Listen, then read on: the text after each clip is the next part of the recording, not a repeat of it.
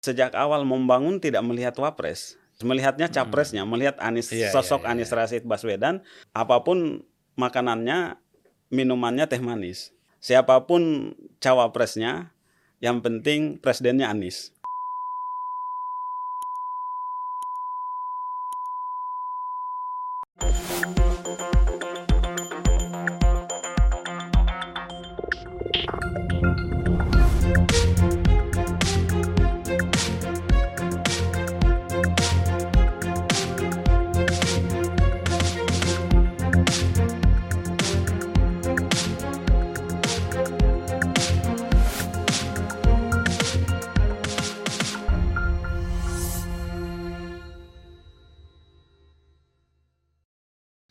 Assalamualaikum warahmatullahi wabarakatuh. Waalaikumsalam warahmatullahi wabarakatuh. Apa kabar?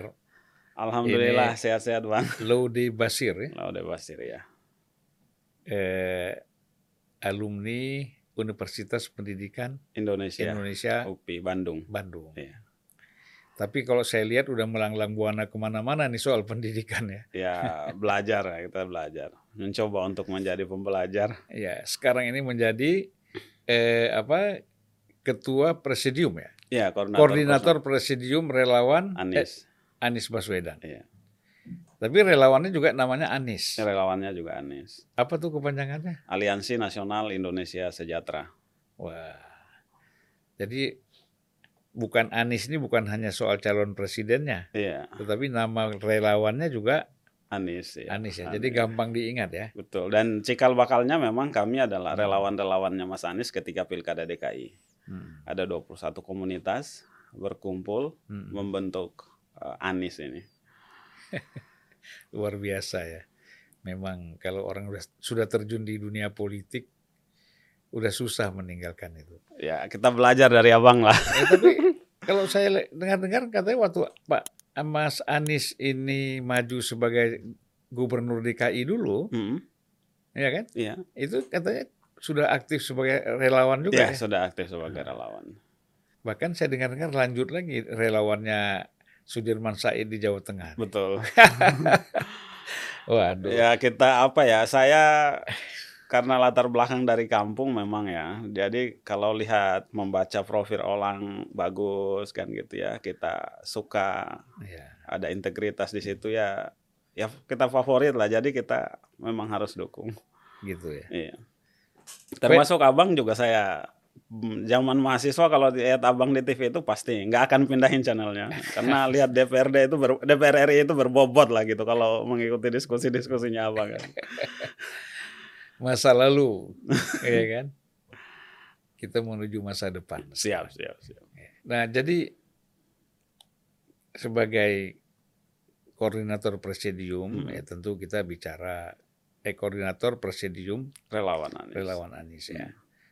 Pasti kita bicaranya sekitar pencapresan. ya. Siap, siap, siap. Kemarin itu kan sudah ditandatangani ya, Iya. ada piagam dari tiga partai koalisi perubahan Mhm. itu eh, men- mencalonkan Anies Baswedan sebagai calon presiden.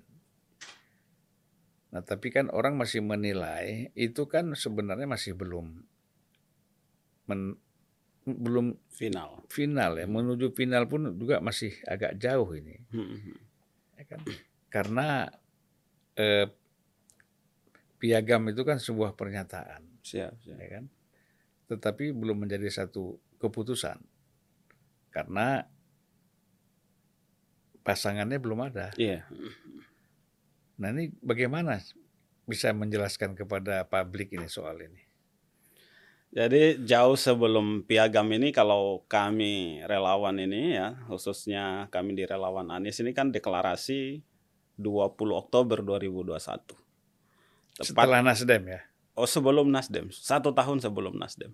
Oh 2002? Satu. Berarti dua tahun dong? Eh setahun ya? Iya, setahun sebelum Nasdem. Hmm. S- dalam perjalanan ini begini, dalam konteks politik di Indonesia, saya ada dua poin yang harus menjadi catatan atau pelajaran untuk kita semua. Hmm.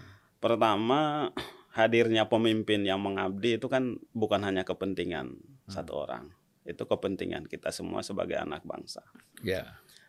Tentu kita harus mencari dengan berbagai instrumen. Mari kita uh, diskusikan, kita perdebatkan, lalu kemudian dengan instrumen itu kita mencari. Yang kedua, uh, ini pimpinan negara, Hmm. presiden.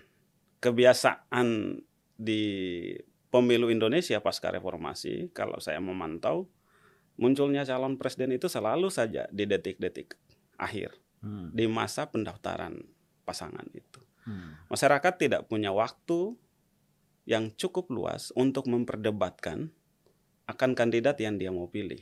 Hmm. Eh, ini menurut saya bukan pembelajaran baik. Ya. Yang baik adalah bagaimana orang-orang yang menurut kita punya potensi untuk memimpin bangsa ini karena track record, karena kompetensi pribadi, ya berbagai keunggulan. Dia kan pemimpin, tentu segala hal harus di atas rata-rata masyarakat pada umumnya. Jadi itu alasannya Iya. tahun 2021 Betul. itu langsung deklarasi, Deklarasi mendukung Anies sebagai Anies. calon, calon presiden. presiden. Tentu sebelum ini kami sudah melakukan. Kebetulan saya kan di Jakarta berkomunitas juga di diaspora eh, pelajar dan pemuda Indonesia Timur. Hmm. Ya karena saya lahir di Maluku, saya kemudian mengalami masa remaja di Sulawesi. Jadi minimal kemudian saya pasca itu menjadi eh, apa namanya pendidik dan murid-murid saya itu Hmm. ya ada dari Papua, ada dari mana saya himpun mereka. Dan kita hari ini ada yang sudah S2, S3, ya kita diskusikan. Hasilnya memang merujuk pada Anies Baswedan. gitu ya. Iya. Tapi kan begini ya, kalau kita lihat Mas Anies ini kan sebenarnya belum belum final ya Betul. sebagai calon presiden. Hmm. Tapi apakah relawan juga ini yang mengatur udah safari keliling-keliling eh, pulau ini, bukan bukan lagi antar kota, antar pulau. Kita sih kalau dari legal hukumnya nampaknya kan tidak punya legal untuk itu ya. Hmm. Ya kita istilahnya mensosialisasikan Mas Anies justru tanpa Mas Anies. Hmm. Lalu kemudian pasca deklarasinya Nasdem mendukung Mas Anies, mereka punya agenda, ya kita ikut di agenda itu. Oh. Ya sebagai relawan eh, kita tahu diri lah ya duduk hukumnya, alas hukumnya itu seperti apa kan kita Hmm. hanya mendukung Mas Anies. Jadi apa? Tidak punya belum ya, belum punya program sendiri untuk mem- eh, melakukan aktivitas safari capres ini Hmm. melalui relawan. Masih masih bersama dengan masih Bersama mengikuti dengan programnya partai, ya, Nasdem, program ya. programnya Ya. partai lah, entah itu Nasdem, PKS, ya ataupun Demokrat. Belakangan kan di Banten kemarin Mas Anies hadir atas undangan PKS, eh, Hmm. relawan juga. Eh, Dan saat ini memang sudah terbangun hubungan yang cukup harmonis di semua tingkatan, baik itu di pusat DPP, kemudian di provinsi, kabupaten, kota. Tapi kan tiap-tiap eh, partai ini kan, partai pengusung ini kan ada relawannya kan? Ada tetapi saya belum tahu persis. Yang saya tahu itu yang afiliasi mungkin baru PKS yang saya lihat sudah mulai beraktivitas relawannya. Tapi satu simpul. Sementara yang mendukung Mas Anies dari awal eh, Nasdem. ya, sebelum Nasdem atau berbarengan dengan setelah Nasdem, relawannya Mas Anies itu sudah hampir 300-an simpul relawan saat ini. Hmm. Seluruh Indonesia. Seluruh Indonesia. Jadi ya perbedaan 2000 kebetulan saya mulai aktivitas di relawan ini sejak 2014 saat Jokowi JK ya. Hmm. Kemudian eh, Prabowo Sandi kemarin ada perbedaan yang cukup signifikan dengan sekarang 2024. Di 2014 2019 relawan itu terbangun hampir bersamaan dengan masa pencapresan, Hmm. masa tahapan pemilu Ya. di tahun 2024 dia lahir jauh sebelum kan tahapan pemilu tentang pencapresan mungkin baru mulai pertengahan September Oktober, awal Hmm. Oktober nanti. Ya sekarang relawan itu sudah ada yang ulang tahun kedua, ada yang sudah ulang tahun satu dari Kalau total. totalnya 300. berapa orang semuanya itu? Setiap simpul relawan kan ada yang strukturnya beda-beda. Yang saya tahu persis ya, kebetulan eh, saya di ANIS ya di Aliansi Nasional Indonesia Sejahtera eh, dan kami punya aplikasi ya memang sudah mendekati seratusan ribu itu pengurus Karena itu baru, gam- itu baru pengurus, pengurus. ya. simpatisan itu lain lagi, ada aplikasi Gitu ya. ter- eh, khusus lagi Itu pengurus. pengurusnya. Nanti ada yang Simpatisan yang hanya memilih Mas Anies dia tidak masuk ke dalam ya, pengurus. tapi kan nanti dari pengurus 100 ribu itu kan Hmm. ada teman satu, teman satu tempat tidur. Ya ada keluarganya kan Iya gitu, ada kan? saudaranya kan. Iya gitu. kan? Iya, Nanti anak istri, betul. saudara Betul. ya, cukup cukup banyak juga. Ini strateginya luar biasa ya. Nah, kalau kita lihat ya, Mm-mm. kemarin itu eh, begitu ada buka puasa di Nasdem. Iya, Nah, itu kan Pak Erlangga datang dengan Pak JK betul. Golkar ya. Itu kan terkesan seperti dianggap Golkar ini mau gabung ke koalisi eh, perubahan. Siap. Tetapi ternyata minggu kemarin Pak Jokowi bikin lagi pertemuan Ya, di rumahnya Bang Zulhas ya, Pak di Zulhas. kantor, Oh, di kantor. kantor DPP PAN itu. Mm-mm. Di belakang sini kantornya. Oh, se- Nah, dia bikin di situ dengan lima ketua umum partai siap. tanpa Nasdem dan juga tidak hadir PDIP, ketua umum PDIP. Nah, jadi kalau kita lihat dari situ kan baru partai umat nih. Walaupun artinya belum mempunyai kursi di DPR ya, Mm-mm. tetapi kan sudah sebagai peserta pemilu 2024 Mm-mm. yang menyatakan mendukung Anies Baswedan sebagai capres. Mm. Kira-kira ada lagi nggak? Menurut pandangan pantauan relawan ini kan bisa memantau biasanya. Kami ini kan relawannya Mas Anies. Saya sebenarnya tidak terlalu fokus. Ya Hmm. sejak awal jauh bahkan Demokrat apa Nasdem belum deklarasi pun pertanyaan-pertanyaan seperti Hmm. ini saya bukan menjadi fokus perhatian. Ya, fokus perhatian kami Hmm. adalah bagaimana popularitas Iya. elektabilitas Mas Anies kan gitu. Tentang eh, dukungan partai kami yakini bahwa para ketua partai, tokoh-tokoh politik eh, bangsa ini tentu eh, kami yakini akan punya jiwa dan eh, nurani yang sama, pemikiran yang sama, Hmm. rasionalitas, objektivitas yang sama tentang eh, masa depan bangsa ini. Dan kalau kita mau mencari orang yang terbaik ya hari ini dari tidak sedikit tidak banyak nama yang bisa kita sebut dan salah Hmm. satunya di antara yang sedikit itu adalah Anies Rashid Baswedan. Jadi Iya. kami yakini itu saja. Kami kerja saja yang penting popularitas elektabilitas Mas Anies terus meningkat. Ya, kalau kita lihat kan begini. Eh, banyak relawan ya, Mhm. Itu kan cenderungnya terpecah-pecah nanti. Siap, siap. Kita kan tahu berbagai kepentingan masuk segala macam ya. Ada yang orang mungkin eh, baru membuat Mhm. terus tidak terkoordinasi misalnya itu kan bisa terjadi ya. Betul. Nah, bagaimana upaya yang dilakukan oleh eh, presidium ini Mhm. untuk tetap relawan-relawan yang sudah 300 terbentuk ini Mhm. Kemudian juga dengan nanti akan muncul relawan-relawan dari partai Mhm. itu juga pasti dari di seluruh Indonesia ada bagaimana menjaga soliditas ini Alhamdulillah perjalanan waktu mengajari kami semua Hmm. untuk itu. Hari ini dari eh, hampir 300-an simpul relawan ya, secara nasional itu terkomunitas dalam empat komunitas besar. Ya, ada forum komunikasi relawan ya disingkat Forkom, ada sekretariat kolaborasi relawan ya, kebetulan saya juga yang eh, leader Hmm. di sini kan gitu ya. Ada Korean Konfederasi Relawan Anies, ya ada Sekber Sekretariat KIB Kuning Hijau Biru. Oh, Ya yang dari tiga. Mereka kan ada Go Anies, ada Forum Ka'bah Membangun, ada kuning kuning Hijau Biru. hijau siapa Go Anies. Eh, hijau FKM.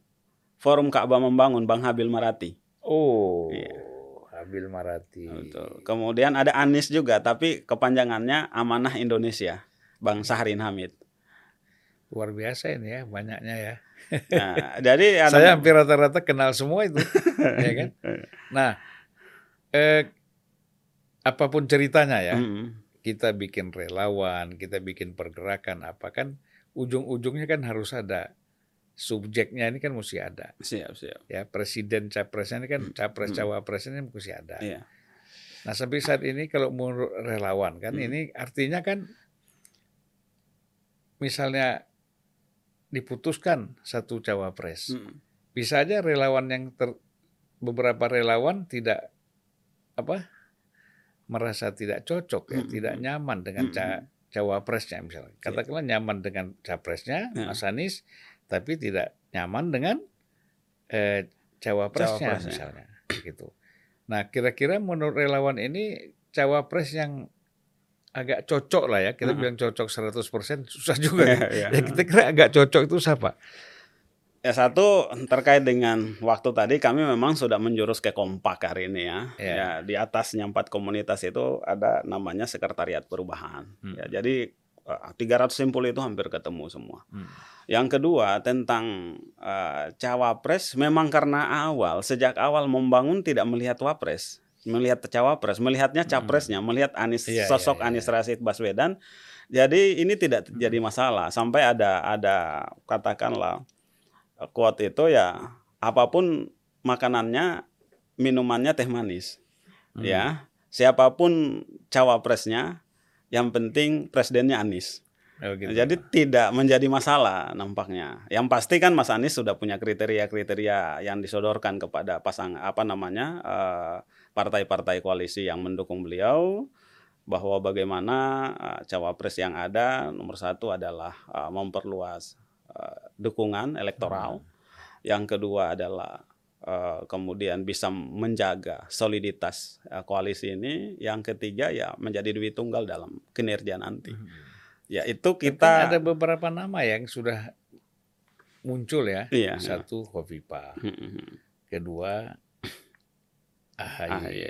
kemudian ada siapa? Andika juga ya. ada Andika. Andika. Ada Yeni Wahid. Jadi, itu ya belakangan tadi malam saya nonton TV ya, Caimin juga disanding-sanding karena menanggapi pernyataan Pak JK itu katanya yang dari Jawa Timur ya. ada siapa? Ya. Caimin dan Hovifa. Tapi ya kita kami relawan memang hampir tidak ada diskusi tentang cawapres. Gitu ya. Iya. Terserah aja ya. Pokoknya sami Tapi kan masih tapi kan gini. Paling ti- pastilah ada ya. Kira-kira lah kan di antara Hmm. ini yang paling mendekati karena semangatnya mungkin semangat Anies Presiden ya jadi tidak gitu ya. yang tidak terlalu memperbincangkan tentang kami itu dengan adanya tiga partai saja yang sudah mendukung Mas Anies itu udah sangat bersyukur udah Tapi optimis nggak bahwa tiga partai ini akan konsisten? ya optimisme itu kita simpan di depan dan itu yang kita kami kejar ya. Kita nggak mungkin kerja keliling saat ini hampir seluruh simpul relawan membangun basis kan gitu ya. Kalau tidak optimis. Ya. tentu optimis. Biarlah kurang-kurangnya Allah yang sempurnakan. Tapi kan begini, eh, akan menjadi problem ya Iya. kalau misalnya kansnya AHY itu peluangnya sebenarnya dia peluangnya besar Hmm, untuk menjadi cawapres ya. Karena punya partai, Siap. ketua umum, elektability juga Tinggi, cukup bagus, hmm, tinggi ya dibandingkan dengan yang disebut-sebut belakangan ini. Hmm. Apakah Yeni atau Kofifa Hmm. atau Andika itu kan AHY memang eh, lebih tinggi. Siap. Nah, ada kekhawatiran nggak? Ini khawatir aja. Hmm, hmm. Misalnya kalau AHY tidak menjadi cawapres, kira-kira threshold 20% itu bisa nggak tercapai. Ada nggak? Ya diskusi-diskusi kecil lah kira-kira. Di intern kami nggak ada, karena Nggak ya ada. kami merujuk satu eh, jauh sebelum ada piagam bersama itu, Iya. Ya komunikasi kita dapat bahwa Hmm. itu kan eh, efektif Iya. mereka berkomunikasi, ada kemudian ada tim kecil, Hmm. eh, kemudian ada piagam dan jelas juga kan eh, Mas Ahy ada di situ Hmm. menyampaikan bahwa untuk urusan eh, cawapres ya itu biar menjadi eh, diskusi dengan Mas Anies kan gitu ya Hmm. urusannya Mas Anies. Ya kemungkinan PKS dan Nasdem juga apa mengajukan cawapres juga ada ya. Ada. Nah, tapi belum keluar namanya ya. Ya, dan kami pun tidak menunggu. Artinya kita sudah itu tahu ya sebagai relawan kami coba untuk pada porsinya, tahu pada kewenangannya, tahu dirilah kasarnya seperti itu bahwa itu adalah kewenangan eh, calon presiden dan kewenangan partai. Jadi biarlah mereka yang Hmm. ya kami sebagai relawan ya cukup menjadi supporting ya mendukung. Apalagi memang dukungan kami adalah Mas Anies ya kami ingin solidkan di Mas Anies itu. Siapa pun wakilnya tidak jadi masalah. Yang penting Anies presiden dan target kita adalah bagaimana memenangkan Mas Anies. Ya, kalau kita eh, apa kita lihat perkembangan ya bisa saja. Iya.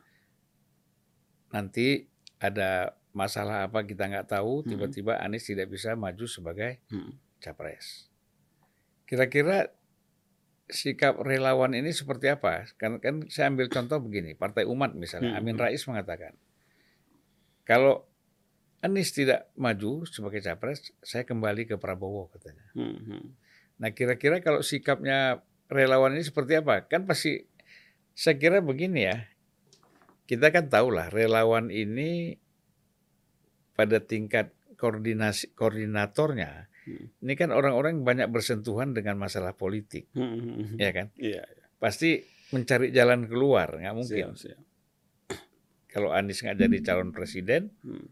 ke mana nih arahnya Hmm. nah kira-kira ke mana nih Ya hari ini eh, kami meyakini Mas Anies yang terbaik kan gitu ya dan Ya. kami optimis bahwa Mas Anies itu akan menjadi eh, capres. Dan, seandainya dan tidak ada pemikiran seandainya sehingga kami tidak menyiapkan alternatif juga. Apa pun yang terjadi ya tentu kita akan eh, yang penting pertimbangan-pertimbangan atau dasar-dasar Hmm. peristiwa itu kemudian rasional, objektif ya kita semua akan dudukan itu ya, pada pertimbangan-pertimbangan itu kan. ya Jika tidak ada hal-hal yang tidak rasional, yang tidak objektif, ya ada dalam tanda petik orang kemudian mengkaji lalu menemukan bahwa itu ada sesuatu yang perlu kita eh, telusuri lebih dalam yang tentu akan Hmm. ada sikap-sikap juga kan gitu ya di atas koridor hukum yang berlaku di Indonesia kan. ya Tapi hari ini ya kita masih eh, pada keyakinan bahwa Anies Rashid Baswedan eh, hari ini ya artinya bisa kita balik logikanya. Pertanyaan kenapa kita harus masih ragu terhadap Mas Anies toh sudah ada tiga partai. Yang Hmm. lain saja yang satu partai pun belum ada kan gitu ya. Hmm. Tetap jalan, namanya mencuat, muncul kan gitu. ya jadi eh, secara sepintas sih saya sudah mendengar tadi ya Hmm. Mengapa mendukung Anies karena Hmm. dianggap inilah yang sementara ini yang terbaik Betul. kan gitu Iya. ya kemudian eh, pasti ada alasan-alasan yang juga yang cukup fundamental Betul. yang menyebabkan eh, relawan ini mendukung Anies Betul. kan gitu terbentuk relawan ini untuk mendukung Anies Hmm. nah saya kan melihat ini latar belakang banyak kawan-kawan ini kan pertama HMI Hmm. ya kan? Karena Anies juga alumni HMI. Kemudian ada faktor Muhammadiyah, Hmm. ada juga mungkin NU, ya. Eh, kemudian ya yang lain-lain lah. Nah kira-kira secara kuali itu kan kuantitatif, tuh ya. ha. Secara kualitatif apa yang secara spesifik yang membuat kawan-kawan mendukung Anies? Kalau saya dan tim kemudian banyak mencuat di per- di diskusi itu ya lebih pada latar belakang kami. Ya eh, kami ini adalah mayoritas memang eh, saya di komunitas di relawan Anies Hmm. ada ya 50-an persen lebih itu berlatar belakang pendidikan. Ya, pendidik, kemudian saya adalah orang yang dari memang pelosok Indonesia di pinggiran laut Banda sana ya. Hmm. ya untuk mengenyam pendidikan itu kan sangat ya, abang tahu lah susahnya kita di Indonesia Timur kan gitu Hmm. seperti apa. Kemudian sampai ke Sulawesi ya berpendidikan Sulawesi nyampe ke Bandung. Satu kata kunci yang mengantarkan saya itu adalah faktor beasiswa Ya, ya Anies Rashid Baswedan jauh sebelum saya membaca kan jauh sebelum eh, beliau eh, jadi menteri atau menjadi rektor kemudian menjadi eh, menteri dan menjadi gubernur DKI Jakarta sepulang dari Amerika ya itu yang dia bicarakan, yang dia lakukan adalah uh, bagaimana kepedulian beliau terhadap pendidikan, hmm. terhadap uh, orang-orang berprestasi yang berasal dari daerah termiskin, terluar. Cuman aneh tertinggal. juga ya, dia bicara pendidikan terus, tapi sebagai menteri pendidikan diberhentikan. Ini, ini. ya, kira-kira kalau menteri kan jabatan politik. Ya, ya. Tentu ada pertimbangan-pertimbangan politik hmm. yang di berikan yang dilakukan oleh presiden. Hanya Pak Jokowi lah yang tahu. Pak Jokowi hmm. juga tidak pernah menjelaskan itu kan.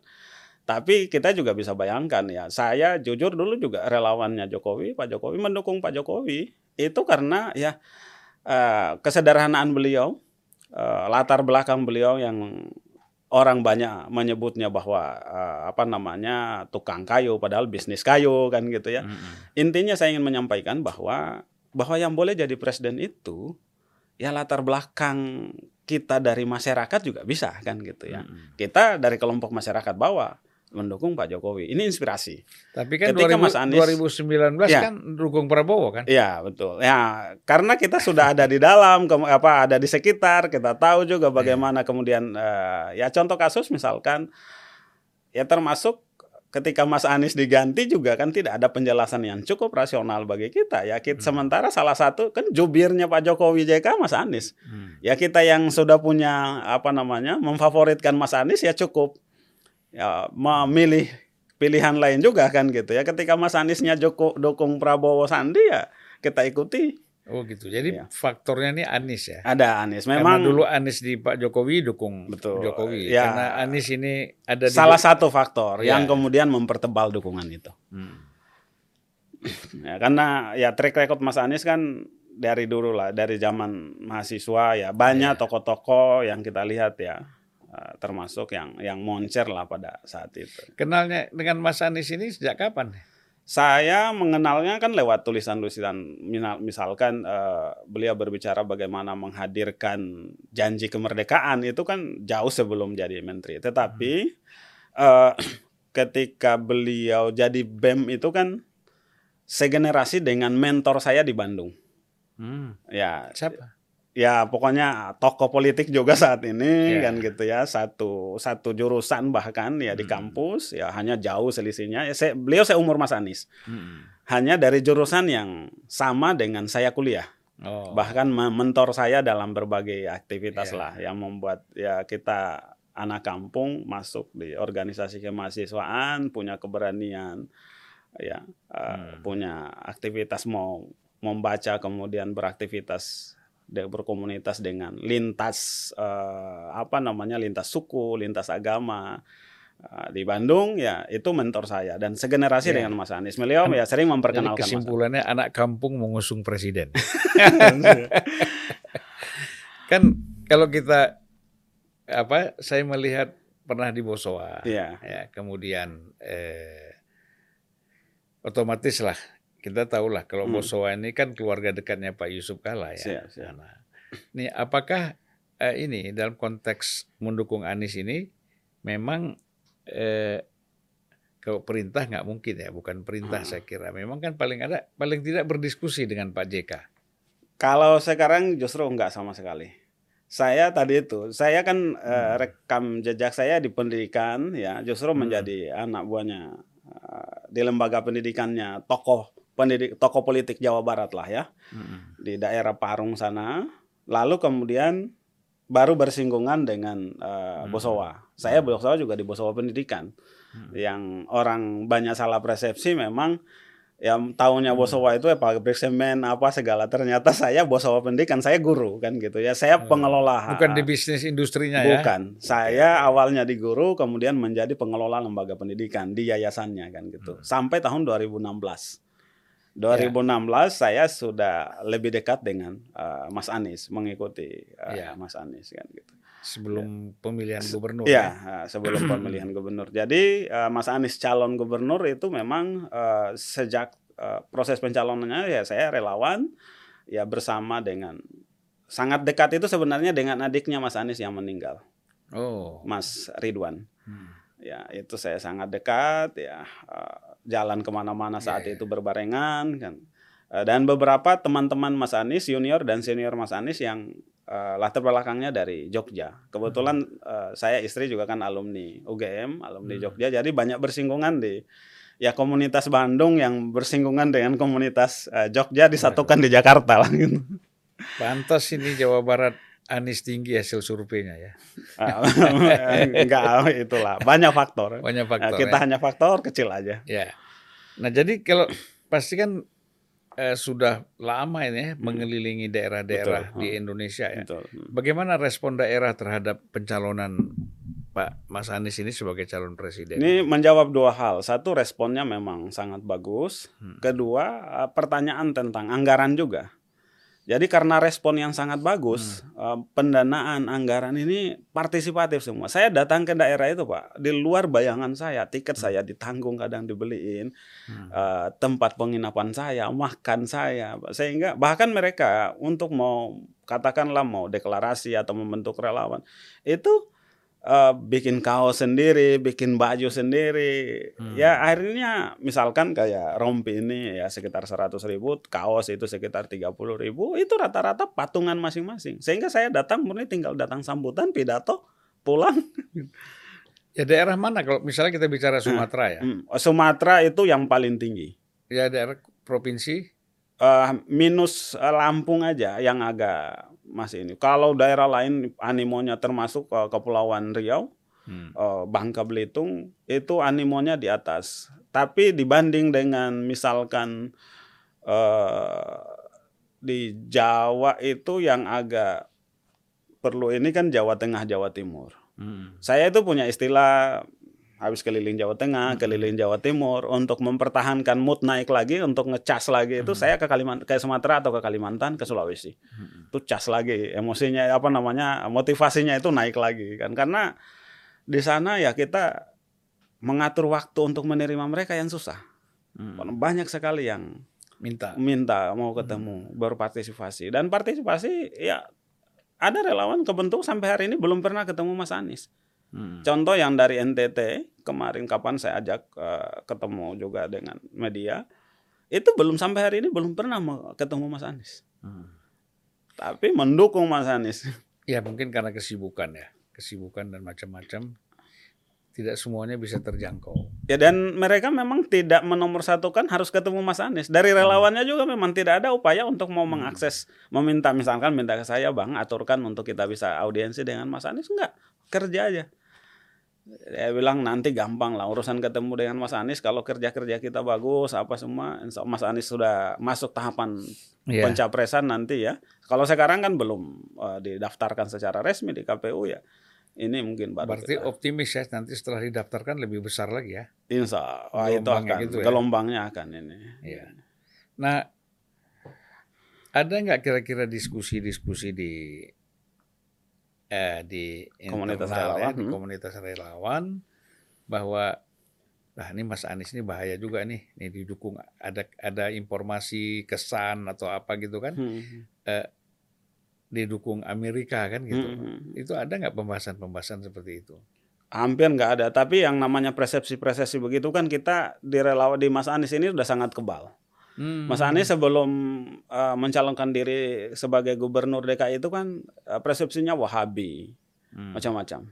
Liberal, eh apa liberal bukan Wahabi, liberal. Hmm. Setelah jadi gubernur DKI menjadi sangat kanan, ya Wahabi apa semua. Padahal dalam eh, teori teologi kan dua sisi yang Hmm. ini tidak nyambung satu kiri satu kanan kan gitu liberal dengan eh, yang kanan banget tiba-tiba disatukan di orang yang sama kan gitu ya ini kan muncul karena persepsi-persepsi sehingga hari ini eh, masyarakat itu kita mau dicap Amerika dicap Eropa dicap apa sudah toh Anies Rashid Baswedan sudah membuktikan kalau mungkin kita bicara 2016 2017 misalkan Hmm. muncul bahwa Mas Anies ini akan cenderung radikal dekatnya dengan kelompok ini saja kan gitu ya. Kemudian bahkan ada yang sampai kasar akan menjadikan Jakarta seperti Syria, itu mungkin debatable. Tetapi 2000 sekarang di 2022 Mas Anies sudah buktikan di Jakarta tidak ada satupun. Saya sering menyampaikan yang masih punya persepsi seperti itu, saya bilang tunjukkan kepada saya. Kalau tidak bisa menunjukkan fakta atau bukti, Iya. saya bilang gugur dengan sendirinya pernyataan. Tapi apa salahnya sih kalau kalau dibilang liberal Heeh. Atau apalagi kalau dibilang Wahabi salahnya apa kan nggak ada salah. Iya betul, nggak Iya nggak ada salahnya ya. Persepsi itu kan selalu dibangun di, untuk dipetak komplikan masyarakat Indonesia. Iya. Ya, saya bilang ya hentikanlah cara-cara berpolitik yang tidak berbasis data dan tidak mendidik, mendewasakan. Ini kan bukan hanya kepentingan. Kita tidak bicara untuk Anies. Kita tidak bicara untuk abang pun untuk saya. Kita bicara negara kesatuan Republik Indonesia. Kita bicara bangsa kita. Kita bicara masa depan bangsa Iya. kita. Sebagai anak bangsa, mari kita kedepankan ya perdebatan-perdebatan yang eh, basisnya rasional, objektif, berbasis data kan gitu. Ya kita punya kriteria dan dari kriteria ini mana yang lebih menjangkau masa depan. Ya. Jadi pasti kan ada isu-isu utama ya Hmm, hmm, hmm. dalam dalam mengusung seorang calon Betul. presiden Iya. dan eh, apa yang bisa di disampaikan kepada publik dan Iya. publik bisa menyerap itu Hmm, hmm. lalu terjadilah yang namanya dukungan. Betul. Nah, apa sih yang yang paling utama yang yang menjadi apa istilahnya ya? Isu utama nih kagak yang disampaikan oleh Mas Anies Iya. Yang kemudian itu diterima publik lalu publik akan merespon positif. Hmm. Eh, tiga kata yang konsisten dari Anies Rashid Baswedan ketika kita bicara Anies Hmm. Baswedan, ya adanya ide atau gagasan diturunkan dalam desain operasional Hmm. narasi, kemudian diturunkan pada tataran aksi, karya nyata, bisa dalam bentuk fisik, ya bisa dalam bentuk eh, kebijakan, kertas karya dan lain sebagainya. Contoh misalkan ketika beliau bicara tentang kesetaraan keadilan, di Jakarta itu dulu Hmm. antara harga-harga barang di Pulau Seribu Ya. ya dengan di dat lima kota di Jakarta itu beda dan mereka setelah Mas Anies memanggil ya melihat para ahlinya akhirnya apa yang dia lakukan ya wajar karena memang ada transportasi belanjanya di Hmm. pasar Ramat Jati dan lain sebagainya Anies Rashid Baswedan hadirkan Jack Grosir di Pulau Tidung kecil Hmm. ya. Kemudian transportasinya disubsidi oleh pemerintah, oleh DKI. Hmm. Ya, kemudian eh, pelabuhan penyeberangannya dibagusin. Orang sekitar yang pulau itu, penghuni pulau, 11 pulau yang berpenghuni, itu belanjanya di Pulau Tidung kecil. Hmm. Akhirnya apa? Banyak yang dipangkas. Sehingga harga barang yang ada di di di lima kota ya sam- barang bahan pokok tentu eh, sama dengan yang di Pulau Seribu. Ini bicara kesetaraan, bicara keadilan. Ya, Kemudian kan- dalam hal listrik Ya. ya eh, banyak sekali aspek yang eh, bisa kita sebut kalau kita rangkai satu Ya. persatu kan. Tapi kan gini, kawan-kawan dari PSI terutama ya, Mm-mm. Partai Solidaritas Indonesia, Mm-mm. Itu beberapa juru bicara mereka kan mengatakan Anies nggak bisa kerja, Mm-mm. tidak ada yang dikerjakan, Mm-mm. ya kan? Mm. Nah ini bagaimana menjawab ini? Ya it, eh, contoh kasus saya sempat ketawa kan gitu. Tidak ada yang bisa dikerjakan di depan kantor PRC itu Hmm. trotoar sebelum Anies dan sebelum Anies itu berbeda. Hmm. Sekarang jauh lebih bagus. Bahkan eh, harusnya tidak pasang tiang bendera di situ, dia pasang tiang bendera. Jadi kadang Hmm. memang ya karena eh, opini yang dibangun tidak berbasis data ya kayak gitulah hasilnya. Ya. Contoh kasus misalkan saya pernah berdebat juga dengan orang PSI tentang eh, apa namanya sumur resapan. Saya bilang saya latar belakang dari ilmu eksak bos.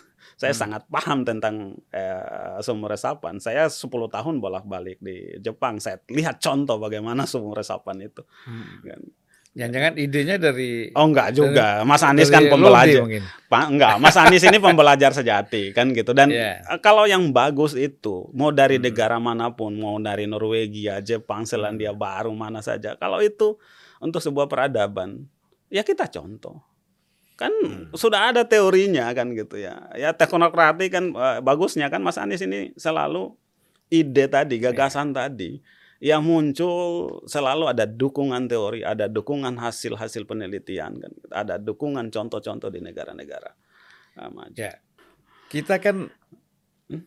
eh, sejak DKI ya, Mm-mm. sejak pilkada DKI itu, Anies itu kan diposisikan seolah-olah dia menang ini kan dengan eh, apa menggunakan Politik isu politik identitas. Hmm. Hmm. identitas. Mm-mm. Nah, untuk untuk capres sekarang ini bagaimana? itu juga ya debatable juga. Sa- Kalau Hmm. kita sebenarnya mau buka data, ya, Ya. dan berdasarkan tahun, Mm-mm. ya, ada pidato dukungan di gereja itu sejak tahun 2003 loh, masih wa- eh, tahun masih wagub. Kemudian Ahok masih wagub. Saya punya videonya. Mm-mm. Kemudian pernyataan-pernyataan itu, itu lahirnya dari mana? Kan akibat dari pidatonya Pak Ahok di Pulau Seribu Mm. yang menyinggung surat Al-Maidah. Mm. Nah, kan. Apakah da- pernah dari Mas Anies? Enggak. Dari tim sukses? Pernah? Mm. Enggak. Bahwa kemudian ada dari relawan juga saya nggak pernah temukan. Munculnya itu kan dari pendukung. Saya selalu analogikan ibaratnya begini. Orang main bola, Mm-mm. ya, di dalam terjadi tekel-tekelan. Kan wasit punya hak dalam konteks ini KPU punya kartu merah apa semua kan. Ini kartu merah aja nggak keluar, penonton tetap aja ribut. Walaupun eh, apa permainan sudah selesai, penonton masih aja ter- itu menang gara-gara tadi tekel tadi apa semua tadi kan macam-macam. Ini keributan Iya. penonton yang mau coba di bawah di tengah eh, permainan kan. Tapi sebenarnya kan kalau kita kembali kepada Al-Maidah ayat 51 itu ya, Mm. Iya. 51 ya.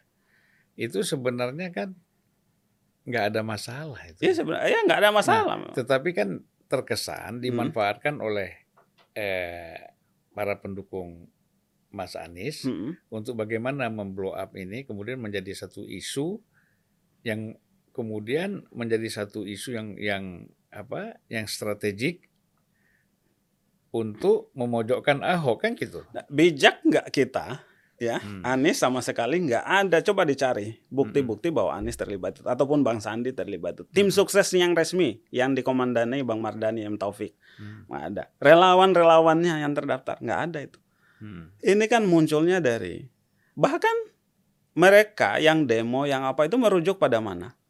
Kan merujuk pada keputus eh, suratnya ketua MUI Iya. yang jadikan rujukan. Ya kan saya bilang tadi Hmm. itu jauh sekali ke ke Mas Anies kan gitu bahkan terhadap kasus eh, Mahindun misalkan itu kan baik Anies maupun Ahok mengeluarkan surat yang sama Hmm. kalau kita tracking di media ya semuanya itu punya sikap dari Ahok dan Aniesnya sendiri itu nggak ada Iya. tapi eh, Rio Rio yang muncul itu adalah ya lapis kesekian mungkin para pendukung simpatisan sebenarnya lebih tepatnya Hmm. ya bahwa kemudian ada persepsi mengambil ya siapa yang bisa membantah persepsi Ya, giringan di orang kan ketika di Surabaya ya kalau saya nggak salah Hmm. itu kan hmm, Anies Baswedan mengatakan bahwa politik identitas itu tak bisa dihindari dalam Hmm. pemilu, Mm-mm. ya kan? Apa ini? Bagaimana kita menangkap makna ini? Saya sendiri kalau dari banyak rujukan yang kita baca ya Hmm. jauh sebelum kita misalkan dalam pandangan-pandangannya Bang Rocky misalkan merujuk buku-buku luar kemudian Pak Sujiwo Tejo juga apa kita semua bang saya pun kita tidak bisa menghindari dari identitas kita saya kan jelas saja dari nama saya sudah jelas Hmm. ini orang mana, agamanya pasti mayoritas apa kan gitu ya. Adalah OD-nya itu kan udah udah sangat tegas seperti itu. Tapi yang masa saya harus eh, menghindar dari situ? Ya, masa orang buton kemudian kalau ke depan juga saya dukung saya calon eh, gubernur atau calon presiden misalkan orang buton dilarang mendukung Laode karena kedekatan eh, itu kan gitu. Atau yang muslim dilarang itu. Yang tidak boleh mungkin menjadikan identitas kita menjadikan Islam kita sebagai alat. Hmm. untuk misalkan mengharamkan yang orang muslim memilih ini ada nggak yang seperti itu kan tidak ada Hmm. Ya, kalau identitas kita dalam politik nggak bisa kita masa kita mau hapus mau mau kita simpang di mana kan gitu bang Ya memang sulit ya. Iya. Kalau kita bicara soal politik identitas ini hampir eh, di belahan dunia mana pun semua orang itu akan menggunakan isu itu ya. Hmm. Tapi kan ini kan orang melihat eh, majority Hmm. yang menjadi du- pendukung kan gitu. Hmm. Pastilah kalau Anies ini sebagai seorang dianggap figur mus- muslim ya. Hmm. Dia bukan lagi sebagai sekedar seorang is muslim, Hmm. tapi dia menjadi figur. Hmm. Nah, sudah pastilah eh, apa? Sebagian besar orang-orang muslim ini kan Iya. akan mendukung Anies kan Hmm. gitu. Nah, kita nggak tahu siapa nanti lawannya. Ya kan? Makanya memang pres- preferensi-preferensi kita dalam berdemokrasi yang memang harus banyak. Ini tugas kita semua. Eh, Kanda, saya itu eh, ya dalam beberapa tempat keliling termasuk ke negara-negara yang dalam kategori lebih maju demokrasinya dari Indonesia, ekonominya lebih maju, ada yang saya temukan begini dalam teori. Ya followership and leadership kemudian eh, turunannya saya ingin menyampaikan begini. Hasil diskusi saya di luar sana Mm-mm. bahwa jika suatu komunitas masyarakat itu jauh dari harapan, artinya tidak maju, tidak sejahtera, yang mesti harus disalahkan itu dua kelompok. Satu adalah kaum cerdik pandai, Hmm. ya, guru, dosen, akademisi, para mahasiswa, Karena pada diri mereka lah melekat simbol rasionalitas objektif. Mm. Yang kedua adalah para tokoh masyarakat, tokoh masyarakat kaum agamawan, Mm. rohaniwan, eh, ustadz, kiai, Iya. pendeta. Kenapa? Karena pada mereka lah melekat simbol moral, simbol etis. Iya, iya. Pemimpin yang bagus memang yang mestinya lahir dari pertimbangan-pertimbangan yang rasional, objektif, basis demokrasi kita harus itu, kemudian juga memegang etik moral yang tinggi, yang Hmm. tidak punya cacat-cacat hukum, cacat apa. Hmm. Kalau saja dua kelompok ini berjalan efektif, Mm. ya, memberikan rekomendasi. Ya sekarang kemari kita introspeksi diri dan kita lihat bagaimana hidupnya di di Indonesia kan. Oke. Ini PR besar kita semua. Ya. Dari beberapa partai politik dari partai politik pendukung ini kan memang sudah ada statement-statement ya. Mhm. Nah, sekarang kan kalau kita berangkat dari isu Formula E Mhm. misalnya. Ini kan belum ada kepastian, belum ada keputusan Iya. apakah ini sudah dianggap selesai, final Mhm. atau apa gitu kan. Nah, ada kekhawatiran nggak dari relawan bahwa ini tiba-tiba tiba-tiba Mas Anies ini bisa aja muncul ini apa eh, status Mhm. ditingkatkan apakah nanti menjadi tersangka atau apa kan gitu. Nah kira-kira ini menjadi kekhawatiran atau menjadi ya diskusi-diskusi lah di antara kawan-kawan relawan. Saya bukan latar belakang hukum, tetapi bacaan-bacaan yang sudah munculkan eh, hasil penilaian BPK Mm-mm. ya kemudian bagaimana itu diteruskan kemarin kemudian ada ya sudah tiga kali info yang kita peroleh itu bahwa itu clear and clean Mm-mm.